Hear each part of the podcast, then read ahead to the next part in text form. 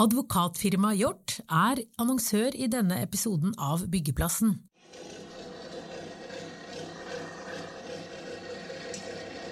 Hva gjør vi når taksameteret går og det blir uenigheter og konflikt i et bygg- og anleggsprosjekt?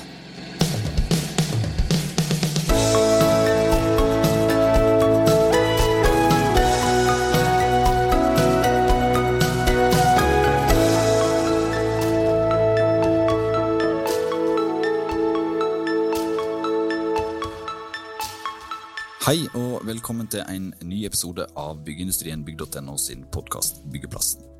Vi pleier å ha en hyggelig og jovial tone her i studio. Og så spørs det da hvordan det går når vi har fått eh, to advokater inn i hula vår her i Stensberggata i Oslo. Eller det vil si, en av dem er med på Teams, og en sitter her i studio med meg. Velkommen til deg, Ea Herstad Øverås. Du er til daglig senioradvokat i Arntzen til Besch, stemmer ikke det? Det stemmer. Hei, hei. Hei, hei. Og hei til deg og Jørgen Årdalsbakke. Du er med på Teams og hører daglig til eh, teamet i uh, Grette. Og så er du òg kjent etter hvert som en uh, programleder i Entreprisepodden, uh, og altså en supplerende podkast, og ikke konkurrerende podkast. Det er det vi driver med her. Veldig bra. Hyggelig å få være med, Frode. Ja, vi skal snakke litt om konfliktnivået i eh, byggenæringen, da. Eh, det er jo et tema som stadig vekk er oppe i spaltene våre. Kan ikke vi bare sånn kort dra litt sånn status? Hvordan er status for konfliktnivået i dag? Jørgen, skal vi begynne med deg? Det er, eh, det er, eh, konflikter i bygg og anlegg, men også veldig mye bra som skjer. Så, og så er det jo slik at det er mange prosjekter som går kjempebra, hvor det ikke blir konflikter. Og jeg syns det er litt viktig å peke på de også. Det er veldig mange flinke personer, flinke selskaper, flinke oppdragsgivere som, eh, som gjennomfører bygg- og anleggsprosjekter hver eneste dag. Og så er det selvfølgelig noen prosjekter hvor det ikke går som det skulle. Man får en konflikt, man får en utfordring, og man klarer ikke å løse det. og Det, det har vi sett en del eh, eksempler på. Um, og da må man kanskje noen ganger gå til retten, eller man må prøve å forhandle. Men det er klart det er, det er en tøff bransje, og det er eh, lave marginer. Um, og ikke minst en kamp om, om, om prosjektene. Så noen konflikter, det ser vi absolutt. Vi kunne helt sikkert invitert en entreprenør inn her og fått den sida, men så har det seg sånn at vi har jo en liten tanke her. For at du, eh, Jørgen, du jobber på byggherresida stort sett, og Ea, du jobber stort sett fra den andre sida, på entreprenørsida. Den andre siden. Den, den mørke andre, andre siden. Ja. Du, eh, hva, hva tenker du om status, da?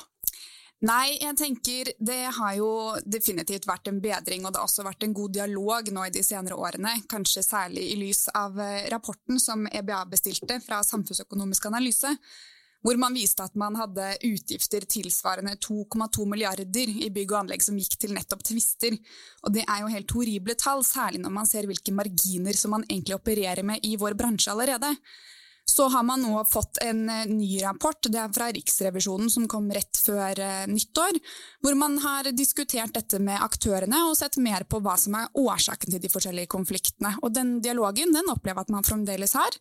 Eh, og at man også klarer å holde en god tone da, sammen med advokatene til tross om nettopp de utfordringene som oppstår. Kan det si noe om det er noen fellestrekk ved disse konfliktene når det først oppstår? da? Jeg tror ofte det underkommuniseres hva som er særegent med entreprisekontrakter. For hele poenget vårt er jo at man ofte ikke vet nøyaktig hva man skal levere før man har inngått kontrakten. I motsetning til om man går på Maxbo og kjøper seg en hammer, så er det et enkelt produkt å både bli enige om hva som skal levere og hva det skal koste. Så det ligger i naturen til entreprisekontrakter at det skal oppstå ting underveis som er uforutsett. Man kan si det eneste som er sikkert, er at det er usikkert hvordan dette blir, og da er det den, hvordan man håndterer endringsmekanismen i kontrakten som blir avgjørende. Og så er årsaken til de endringene kan jo være alt mulig rart. Det kan være uforutsette grunnforhold, det kan være endringer hos byggherrens behov, det kan være flere ting som ligger under der. Men det som ofte skaper konflikt, og som gjør at det blir vanskelig å snakke om de utfordringene, tror jeg først og fremst starter med hvordan kontrakten er, og om den er god og balansert. Mm. Får en gode og balanserte kontrakter da, Jørgen?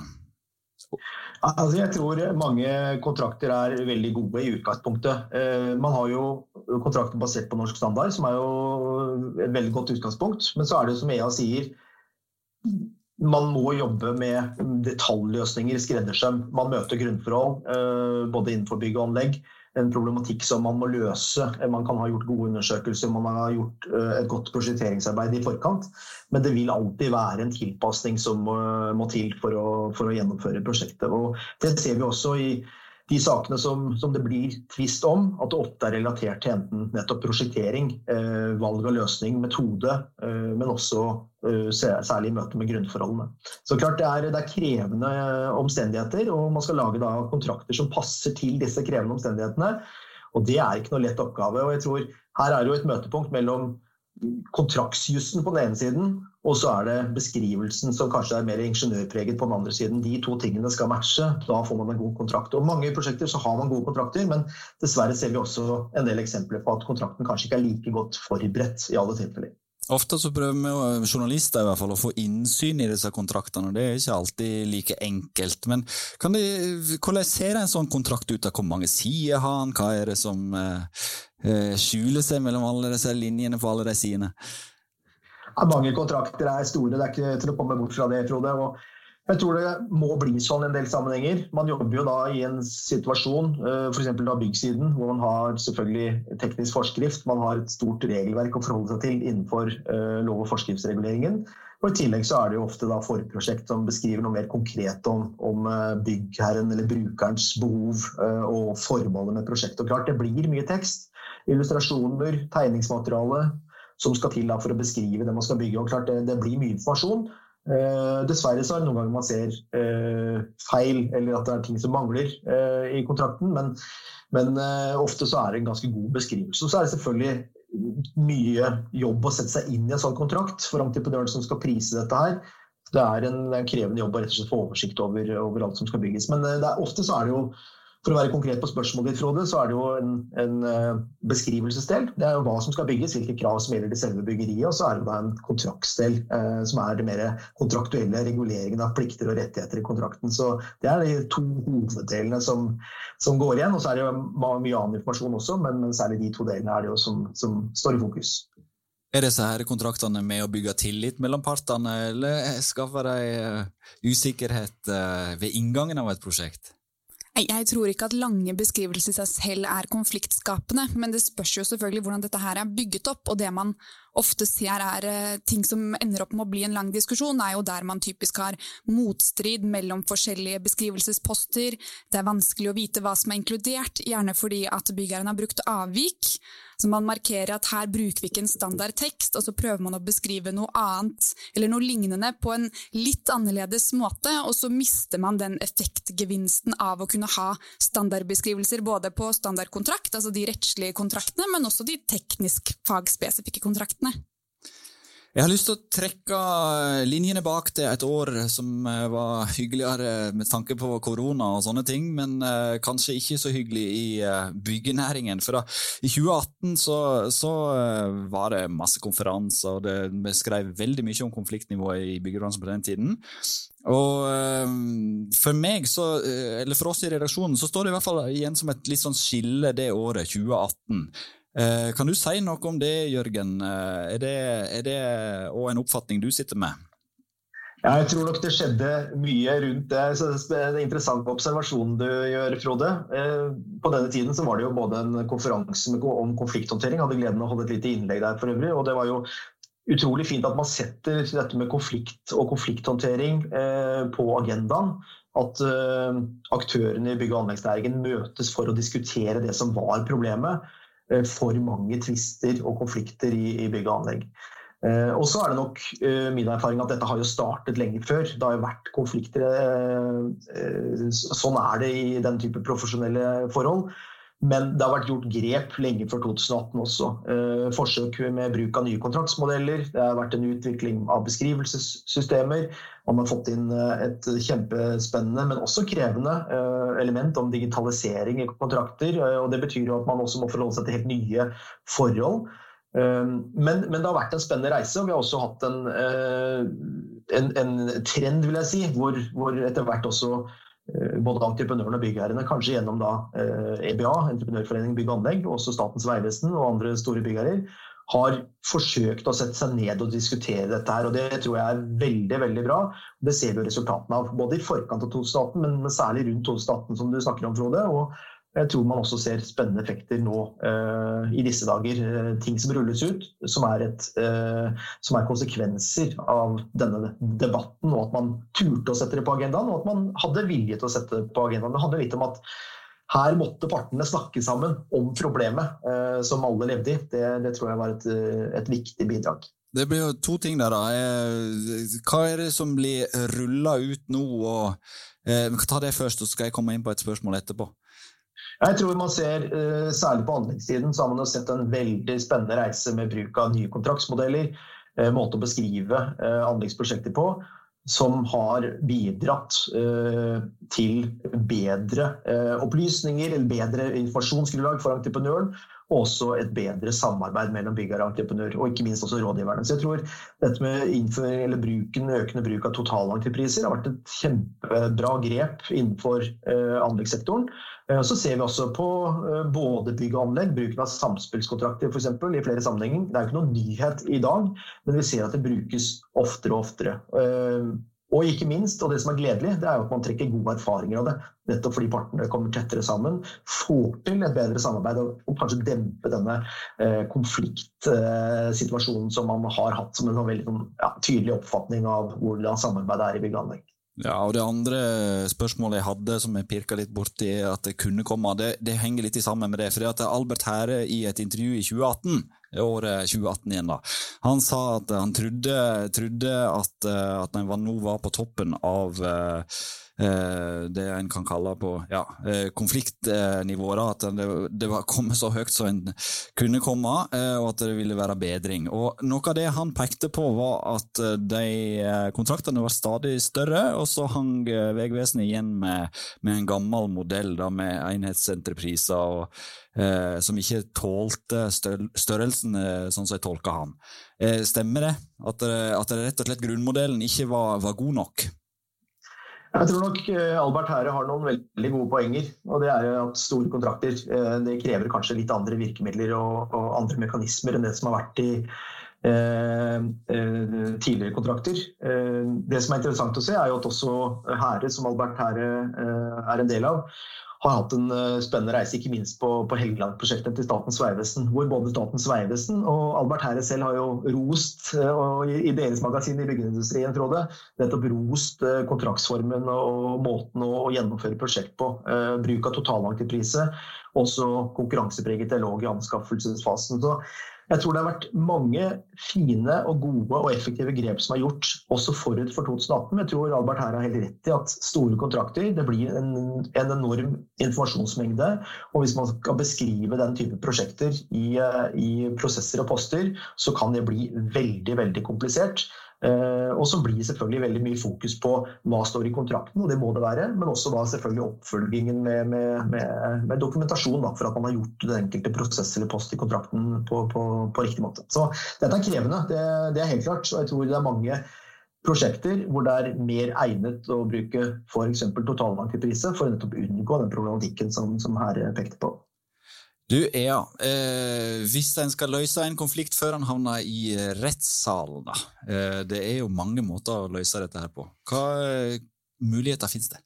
Nei, det er, det er, mange måter man kan løse det på uten å måtte havne i en domstol, og jeg vil jo si at de færreste faktumtunge tvister har en sånn veldig god løsning i domstolsapparatet, hvor det gjerne sitter en generalist, altså en advokat eller en jurist, som kjenner til rettsområdet sikkert, men ikke på det spesialfeltet, og så har man gjerne fagdommere ved siden av som kanskje mener vel så mye. Og det å da kunne, istedenfor å ha en så langtekkelig prosess, heller forsøke å løse disse prosessene tidligere, enten ved hjelp av en tredjepart eller ved hjelp av bare forhandlinger partene imellom, og lage et opplegg for å bli enige om noe, det tror jeg definitivt at lønner seg både for byggherren og for entreprenøren.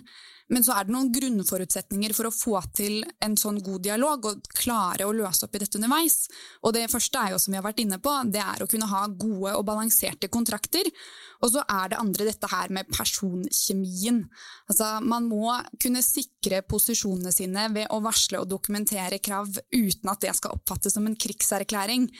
Og der opplever vel vi ofte at varselet i seg selv kan utløse en konflikt som ikke nødvendigvis gjør at man kommer inn i en god dialog, slik varslingsreglene egentlig er ment å være. da. Tanken her har jo vært at man skal kunne tidlig få på banen hva er det som er utfordringene, og så bør man først avklare det operasjonelle, hvordan skal man løse dette, minimere konsekvensene av det som har dukket opp, og så får man diskutere regningen og ikke minst fristforlengelseskravet da, i forlengelsen av dette etterpå.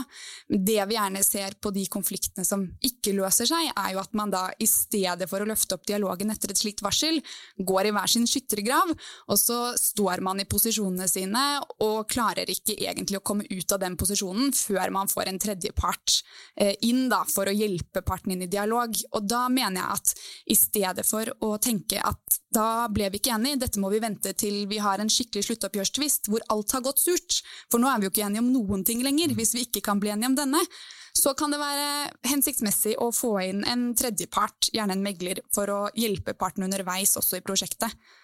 Men Hva skal en gjøre for å få den der personkjemien? For den er ikke mulig å bestille gjennom advokater. Nei, og det er, har vi noen morsomme eksempler på. Jeg hadde en kollega som fortalte meg tidligere i dag at han hadde vært i et prosjekt hvor eh, byggherrerepresentanten kjente faren til prosjektlederen og syntes ingenting om han. Så alt denne prosjektlederen sa var bare tøys og tull, for han var like dum som faren sin. Og det er klart du kan ha en så god kontrakt du bare vil, men det klarer du ikke regulere i en kontrakt. Vi tar en kort pause fra byggeplassen for å høre fra våre annonsører. Advokatfirmaet Hjort er samarbeidspartnere av Arendalsuka. På Bygg Arena Arendal samles aktører fra bygg-, anlegg- og eiendomsnæringen. Arendalsuka er en unik mulighet til å påvirke bransjens utvikling og forsterke samspillet med myndigheter og sentrale samfunnsaktører.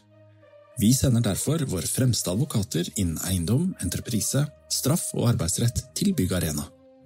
Her vil vi delta på podkastinnspillinger, seminarer, paneldebatter og andre aktiviteter. Vi tar opp temaer vi i Hjort brenner for, bl.a. hvordan jussen er helt avgjørende for bygg- og anleggsbransjens grønne omstilling. Er du å se på Arendalsuka? Vi håper å møte deg og ser fram til mange gode samtaler om det grønne skiftet. Og da er vi tilbake på byggeplassen. Har du noen sånne eksempel på ting som har låst seg pga. dårlig personkjemi, eh, Jørgen? Jeg har dessverre det, Frode. og det, det, handler litt om uh, Noen ganger så er det enkeltpersoner som uh, forsurer prosjekter. og Det er utrolig trist, rett og slett.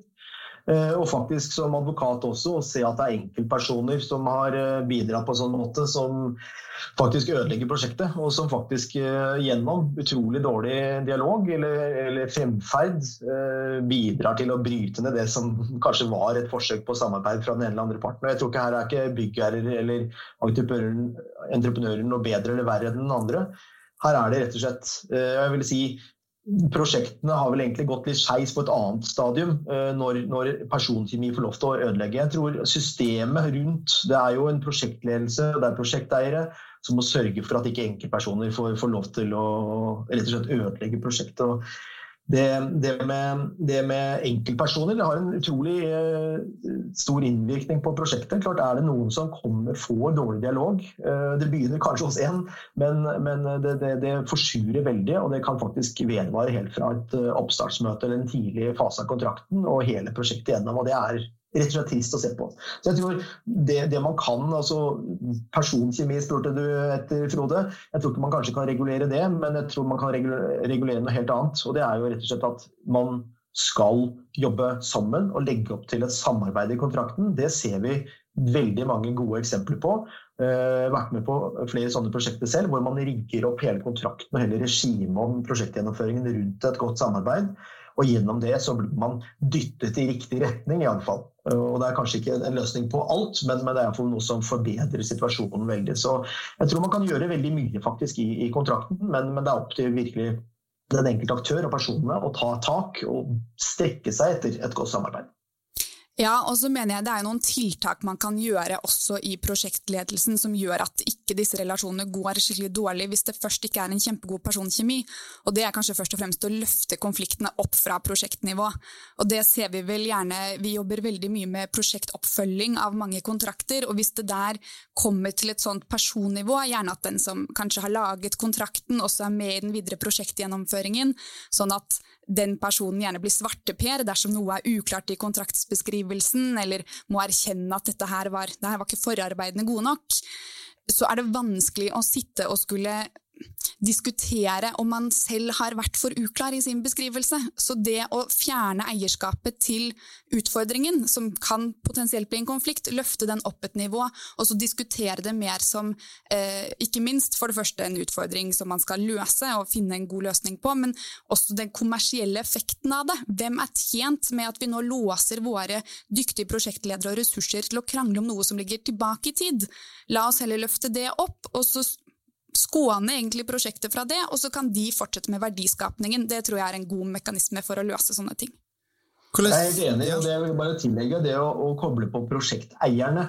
Det kan være på direktørnivå hos både byggeier og entreprenør eh, eller, eller andre, men som, som, har en form for prosjekteierfunksjon.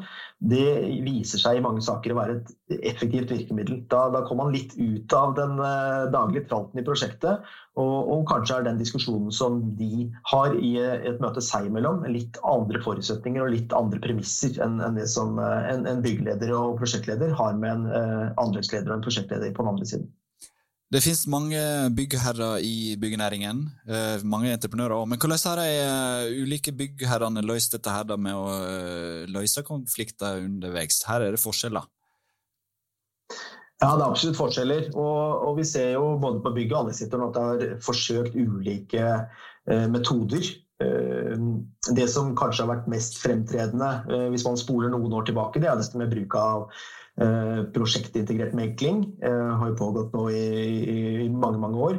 Eh, og så viser seg en del prosjekter å ha mye for seg. Det gir jo en form for tredjepart som, som, som skal høre på dette her. Partene snakker med, det, med enten denne enkeltpersonen eller denne gruppen, to-tre stykker, som, som, får en form for blir en tredjepart og rett og slett noe man kan snakke med, lufte ting med. Og som blir en kanskje litt sånn stabiliserende faktor i det hele. Så er det andre som har brukt mer ekspert, eller ekspertråd, hvor, hvor det ikke er meklingen man er ute etter som sådan, men mer et faglig eh, synspunkt eh, om, om, hva disse eh, eh, ekspertpersonene mener om den, om den, saken som nå har kommet opp. Det kan også være et viktig bidrag til at man får en tredjepart til å mene noe om, om den problematikken man kanskje har litt dårlig diskusjon om eller litt dårlig stemning om.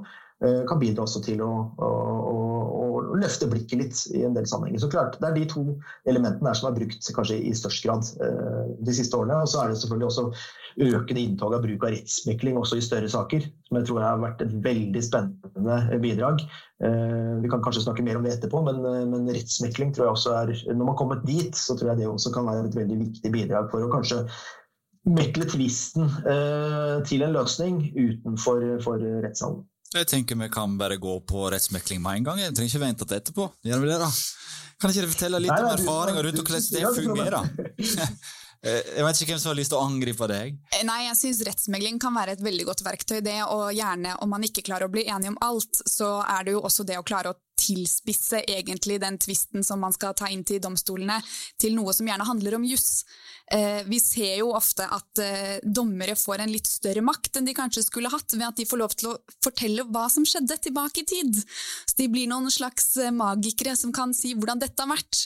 Og det tror jeg for mange er overraskende hvor mye som ofte står og faller på faktum, på bevissikring, på hvordan man klarer å gjenfortelle den historien. Det tar mye ressurser, og det er vanskelig å gå tilbake og etterkonstruere.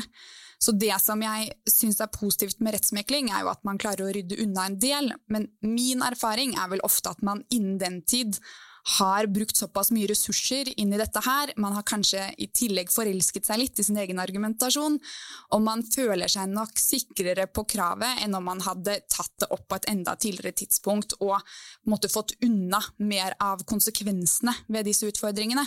Det har på en måte allerede klart å bli så stort når du har engasjert eh, advokater som skriver lange prosesskriv, og som skal gjennomgå alt av dokumentasjon, investeringene blir så store, at det du egentlig kan legge inn i potten, som er sparte sakskostnader i en tidlig fase, det har du allerede brukt opp. Og da er jo spørsmålet om du skal bære egne sakskostnader istedenfor å få det avgjort av en domstol, hvor du kan få dine sakskostnader tilkjent. Jeg er litt usikker på om vi har vært inne på risikobalanse i kontrakter, men det er jo absolutt en risikobalanse, det å skulle avveie megling og gå til sak og sånn.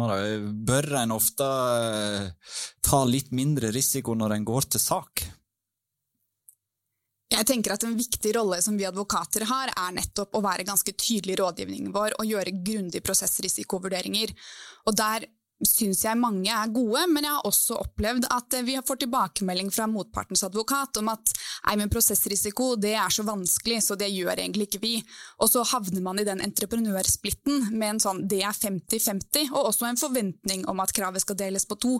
Og Det mener jeg er dårlig juridisk rådgivning fra advokatens side. Hvis man klarer å sette seg ned og tenke litt nøkternt på alle de risikofaktorene som ligger i en domstolsbehandling, så mener jeg at man vil få et fornuftig utfallsrom som bør gjøre det helt enkelt Nei, ikke helt enkelt. Gjøre det enklere er mer riktig å si.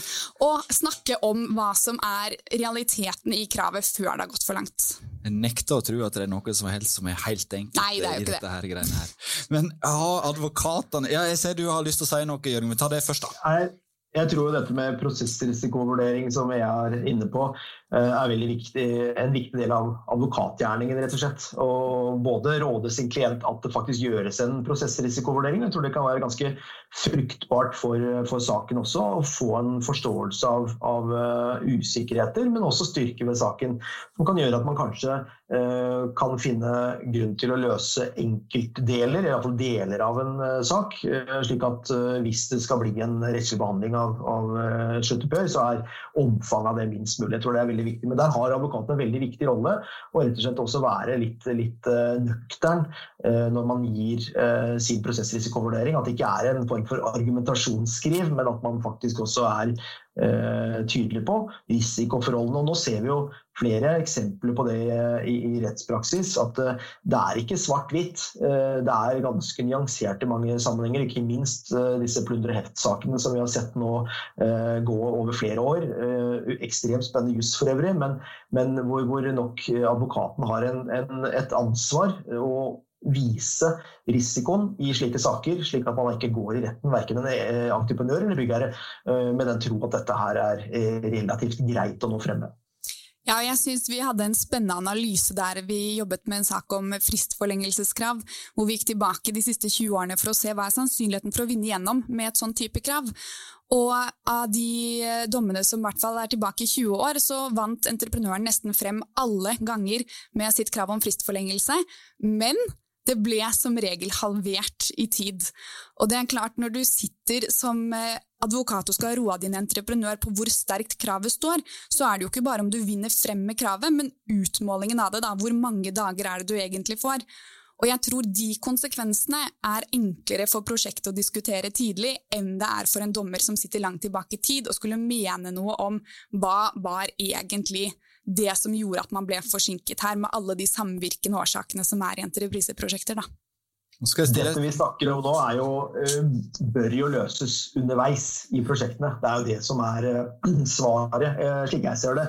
Eh, med god bistand fra, fra, de som trengs, men at man klarer å få til en god diskusjon uh, underveis. Da er det ikke, som jeg er inne på, uh, ting som ligger langt tilbake i tid, men det er det som skjer rundt oss nå. Det er da man kan se på effekter, hvordan påvirker dette, gjennom en god analyse av uh, konsekvenser for fremdrift, kostnadspådrag osv. At man får den diskusjonen opp så tidlig som mulig, og ikke venter både måneder og år før dette kommer opp i, i, i sin fulle form. Jeg tror her må både byggherrene og entreprenørene eh, strekke seg eh, for å rett og slett redusere risikoen eh, på begge sider ved å ta diskusjonen så tidlig som mulig. Med bistand fra de som trengs, skjøt du inn i en bisetning der. og Da må jeg nesten spørre, og dette blir litt som å spørre en pølseselger om jeg spiser for masse pølse. Men eh, det blir sagt at advokatene har fått for stor plass i entreprenørbransjen. Eh, du mener åpenbart ikke det, Jørgen. ja, nå spør du en advokat, da, Frode, og det er jo det som er fint. Neida, er, altså jeg, jeg, tror, jeg tror uh, advokater har sin rolle. Jeg tror virkelig det. Og jeg tror ingeniørene, advokatene, økonomer og, og, andre de har sine roller og sine kompetanseområder. Jeg tror i et godt samarbeid så, så, er det også sånn man skal jobbe. Det at man trekker på hverandres spisskompetanse. Eh, og så kan man godt eh, sikkert si at i noen saker så har advokaten fått mye plass. Jeg tror det faktisk er mange saker og kanskje flere eksempler på at advokaten faktisk har bidratt til å styre saken i, en riktig retning. Så jeg er, nok ikke helt enig i det utsagnet, men, men det, det, var det kanskje ikke så overraskende. Men det jeg tror, det er at uh, eh, f.eks. advokatens råd i en del tilfeller om å engasjere en, en, eh, ekspert, en tredjepart innenfor geologi, geoteknikk f.eks., som kan faktisk mene noe om grunnforholdene. Da er det ikke spørsmål om er dette vesentlig avvikende grunnforhold. Nei, da er det spørsmål om hvordan er grunnforholdene som ble avdekket, kontra de som man kunne eh, lese ut eh, av, av f.eks. grunnundersøkelsene og, og, rapportene der, hvilket inntrykk man kunne få av det. Da får man jo fagpersonens inntrykk. og, og Min erfaring er at advokatene i mange tilfeller spiller inn den type fagkompetanse, og kanskje også bidrar til å sette saken på i riktig spor. Eh, så jeg tror dette er nok eh, ganske nyansert, men selvfølgelig det er jo artig for, for ingeniørene å klage litt på juristene. Sånn. Har du fått sånne klager? Ja, ja selvfølgelig har jeg det. Jeg har jo tidligere vært eh, i NCC, jeg og min gode tidligere kollega Anders Haukedalen tror jeg daglig påminner meg om hvilken pain in the ass vi advokater kunne være i prosjektene. Men jeg tror det er helt riktig som, eh, som, Jørgen sier, og jeg tror kanskje det har fått litt feil fokus, dette her med hva som er advokatens rolle. Jeg tror hvis man bruker dem riktig, så er det et godt bidrag inn i prosjektet. Og så tror jeg samtidig det er en erkjennelse at noen advokater har kanskje feil fokus når de bistår i en prosjektoppfølging. Eh, hvis de har spesialkompetanse særlig på dette med tvister og er gode til å prosedere for domstolene, så er det kanskje det man har fokus på. Hvordan nå posisjonere seg best til denne tvisten skal løses nettopp for domstolene. Men på det jevne så er, opplever jeg ikke at det er advokatene som først og fremst står i veien for at man løser underveis. Snarere tvert imot, som Jørgen sier, at man prøver å få klarhet i hva man er uenig i, og så løser man det på de premissene. Hvordan er det Ja, Jørgen, jeg tror, jeg tror, også Et viktig bidrag her er at uh, advokatene og juristene i mange tilfeller også peker på f.eks. at en entreprenør ikke bare må sende av gårde et endringskrav, en, en, en, blankett vi krever, men jeg tror det å, å, begrunne kravet, der har juristene en viktig rolle. Rett og slett for å belyse hvorfor uh, man sender et krav, og, og kanskje også uh, momentene som ligger i det. På samme måte som byggherren bør ha kanskje juridisk bistand for å behandle dette skikkelig for å ta stilling til det på en, på en, på en skikkelig og profesjonell måte. Så jeg tror Der har jurister og advokater en ganske viktig funksjon rett og slett for å spille aktørene gode. Og Da er ikke det å nødvendigvis slå den andre parten ned. Tvert imot, det handler om å få faktum på bordet og få øh, begrunnet det kravet øh, som, som, kommer. Øh, og slik at man har best mulig forutsetninger for å få en, en god diskusjon. Det er kanskje ikke så Eller jeg kan si det sånn at de, de som hører på byggeplassen eh, til vanlig, de vet at vi peiler oss inn mot en halvtimes tid i sendingene våre. Eh, det er ikke så veldig overraskende at vi går, ser ut til å gå litt over tiden med to advokater her. og entreprisebåten varer vel stort sett i en time. Prata godt der òg, Jørgen? Det er mye å snakke om. mye å snakke om. Men jeg har, jeg har, lyst til å strekke litt på tiden. For jeg, jeg må, må, eh, høre om hva slags forskjeller er det mellom bygg og anlegg. da? For dette er ikke, Byggenæringen er ikke det er ikke det samme alltid. Det er store forskjeller mellom bransjene innad. Nei, jeg tror eh, vi, vi, vi sier, Dette er jo så spennende, du må ikke spørre om sånt. Dette, Frode, jeg begynner å prate med en gang. igjen. altså, har vi en halvtime til, da. Kanskje vi skal dele inn i del to? det. Det, det, det, man, det, man, ser da, på anlegg, jo, og det, det ser man jo eksemplene på. Eh, man både leser i deres på bygg.no i byggeindustrien, og, og, man ser også i dommene som kommer på Lovdata. Det er jo dette med prosjektering og grunnforhold. Særlig dette med grunnforhold. Man jobber på anlegg i grunnforhold hele tiden. altså nesten hele tiden. Eh, og grunnforholdet har en stor innvirkning på hvordan arbeidene utføres. Så klart, Det der er noe særegent med anlegg. Eh, en, en jernbanestrekning, en, en, en, flyplass, det kan være en veistrekning. ekstremt tett på uh, dette litt ukjente. Man har selvfølgelig gode undersøkelser, masse gode uh, indikasjoner på hvordan det kan være. Men klart, det er, et, det er et problem. Og så er det også noe som, med anleggssiden som er interessant.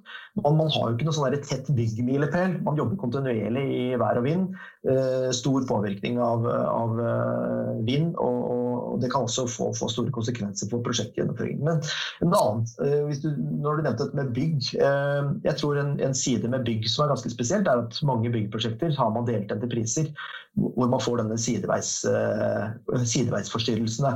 Rett og slett friksjon mellom den ene og den andre entreprenøren. Man går litt i beina på hverandre. og Derfor har man sett en del, også, en, en del plunder- og heftssaker nettopp på byggeområdet. Uh, forårsaket nettopp at man forstyrrer hverandre. og Det, det er eh, kanskje et, et, forhold som er litt spesielt eh, for, for byggdelen. Men vi, hører, vi, ser jo plunder og heft for all del på, på anleggssiden også, men akkurat denne sideveisforstyrrelsen den er vel mest på byggsiden. For de som lurer på hva plunder og heft er, så anbefaler jeg å gå inn på bygg.no og søke på plunder og heft, så får de noen svar. Det har vi skrevet mye om. Uh, ja, har du noe å tillegge til bygg og anlegg og uh, ulikhet, ulikheter der? Er det noe å lære uh, fra de ulike bransjene? Nei, vet, Man sitter kanskje igjen med et litt sånn skeivt inntrykk av konfliktnivået når man sitter som advokat, nettopp fordi at det er jo sjelden de skikkelig suksessrike kontraktene uten noen konflikter hvor vi bistår, i hvert fall ikke som hovedregel. Men det er klart at anlegg har noen egne utfordringer, og hvis jeg skal gi mitt lille hjertestukk der, så opp oppleves det vel kanskje tidvis at særlig disse offentlige oppdragsgiverne, Jørgen, ikke alltid er like løsningsorientert. At man gjerne blir møtt med at man eh, ikke kan finne løsninger underveis fordi det kan bli ansett som ulovlig statsstøtte, eller det kan være brudd på anskaffelsesregelverket. Det er en del særegenheter ved offentlige oppdragsgivere da, som kan gjøre det vanskeligere å komme i dialog. Men der syns jeg jo at i hvert fall Vegvesenet nå har vært ganske tydelig ute og sagt at man ønsker å løse ting underveis. Man ønsker å å bli bedre på å ikke ha disse store tvistene til slutt. Men det er i hvert fall det jeg tidligere har opplevd som kanskje en særegenhet, eh, særlig på anlegg, at du har store offentlige oppdragsgivere som, som ikke alltid er like løsningsorientert. Siden vi sikkert nærmer oss slutten, så tenker jeg det er greit med en liten gladhistorie. Eh, og det er jo rv. 3-prosjektet mellom Elverum og Løten. Mm. Hvor eh, man styrt av ekstremt flinke og kompetente og erfarne folk både på byggherresiden og på entreprenørsiden fikk til en veldig effektiv prosjektgjennomføring.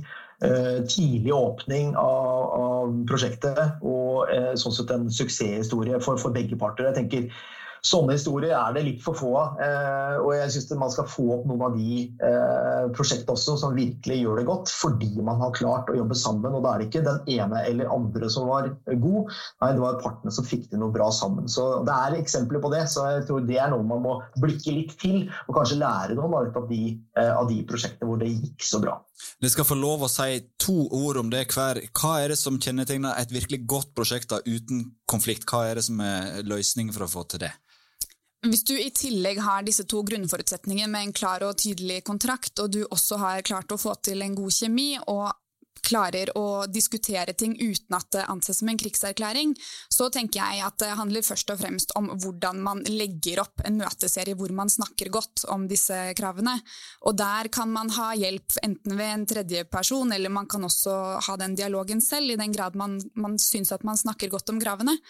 Og overordnet så er det jo noe med dette at selv om noen mener at kravet ditt er prosedabelt, så trenger ikke du nødvendigvis dermed ta det inn til retten.